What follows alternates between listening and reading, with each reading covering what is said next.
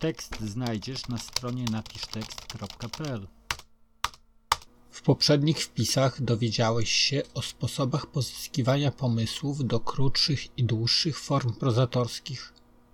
Dziś chciałbym opowiedzieć o źródłach koncepcji tematów w reklamie, a dokładnie o tym, jak wiele łączy je z zamysłami na ciekawe opowiadanie lub książkę. Uwaga! Nie będę tutaj mówił o sposobach tworzenia scenariuszy, prawidłach perswazji, zasadach prezentacji, regułach tworzenia tekstów ofert oraz wielu innych rzeczach związanych z dźwiękiem, obrazem i słowem pisanym w reklamie. Informacje o nich zamieszczę w przyszłych wpisach.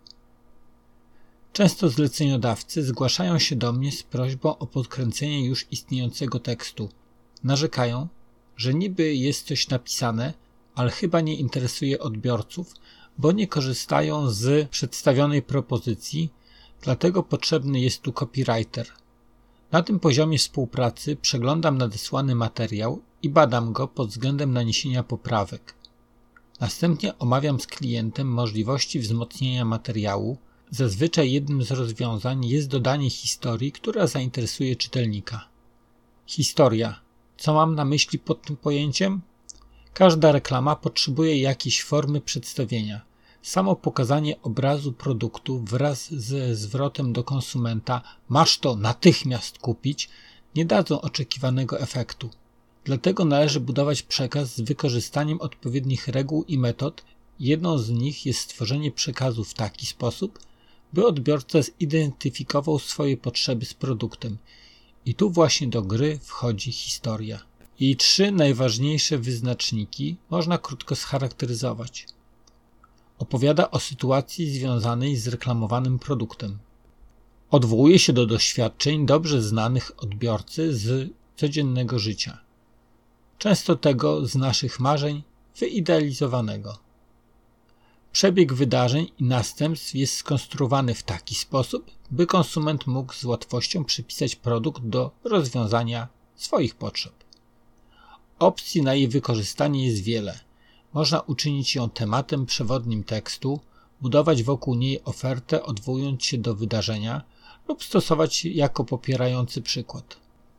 Spójrzmy, jak to wygląda we fragmencie prac z zakresu copywritingu.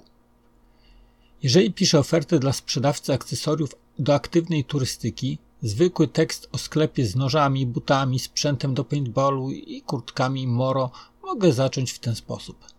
O wyjątkowości sklepu zadecydowało zdarzenie z 2008 roku, gdy jeszcze jako grupa zapalonych miłośników wypraw w głąb serca natury postanowiliśmy założyć własny sklep.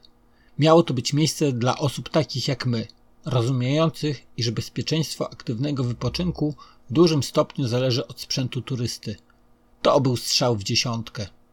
To minimalistyczne wprowadzenie pozwoliło mi uzyskać dwie rzeczy. Pierwszą jest zgrabna możliwość przejścia do dalszych etapów oferty, gdzie opowiadam o produktach, bonusach, płatnościach itd. Drugą, o wiele ważniejszą z punktu widzenia sprzedawcy, jest opowiedzenie krótkiej historii powstania sklepu, mającej na celu pokazanie czytającym jego ofertę klientom, że posiada stosowną wiedzę o produktach oraz zna ich potrzeby, bo żyje i myśli o sposobach bezpieczeństwa, tak jak oni. Podobną funkcję możemy zaobserwować w opiniach i komentarzach zamieszczonych w serwisach e-commerce, listach sprzedażowych i innych miejscach, w których można zaprezentować zdanie klienta użytkownika. Wystarczy tylko, że szukający dobrej wiertarki konsument trafi na kilka wypowiedzi typu od 20 lat pracuję w branży budowlanej, więc znam się na wytrzymałości sprzętu. Jednak praca z tą wiertarką przerosła moje oczekiwania. Ten mechanizm chłodzący jest niesamowity. Gdy skończyłem wiercić nią 50 otworów podkołki FI 10 w blokowej płycie betonowej, była zaledwie lekko ciepła. A już jest zainteresowany ofertą. Wszystko to dzięki przykładom popierającym niezawodność produktu. Odwołanie do problemów znanych z codziennego życia odbiorcy sprawdza się w każdym rodzaju przekonujących tekstów. Jednak szukając historii, należy zwrócić uwagę na to, do jakiej grupy docelowej ją kierujemy. Bowiem logicznym jest, że sprzedając powyższą wiertarkę, inna historia przemówi do majsterkowicza, a inna do gospodyni domowej. Dlatego zalecam przed przystąpieniem do pracy dokładne wybadanie potrzeb społeczności, która przeczyta nasz tekst. W tym celu należy zajrzeć na fora i strony internetowe, które odwiedza potencjalny odbiorca, aby poznać jego problemy, sposób myślenia oraz język. Szybko przekonasz się, że to także rzetelny informator o potrzebach danej grupy docelowej, o których rozwiązaniu można opowiedzieć nie tylko w tekście, ale i w reklamach radiowych oraz telewizyjnych. Do nich wkrótce. Serdecznie pozdrawiam, Jakub Sosnowski.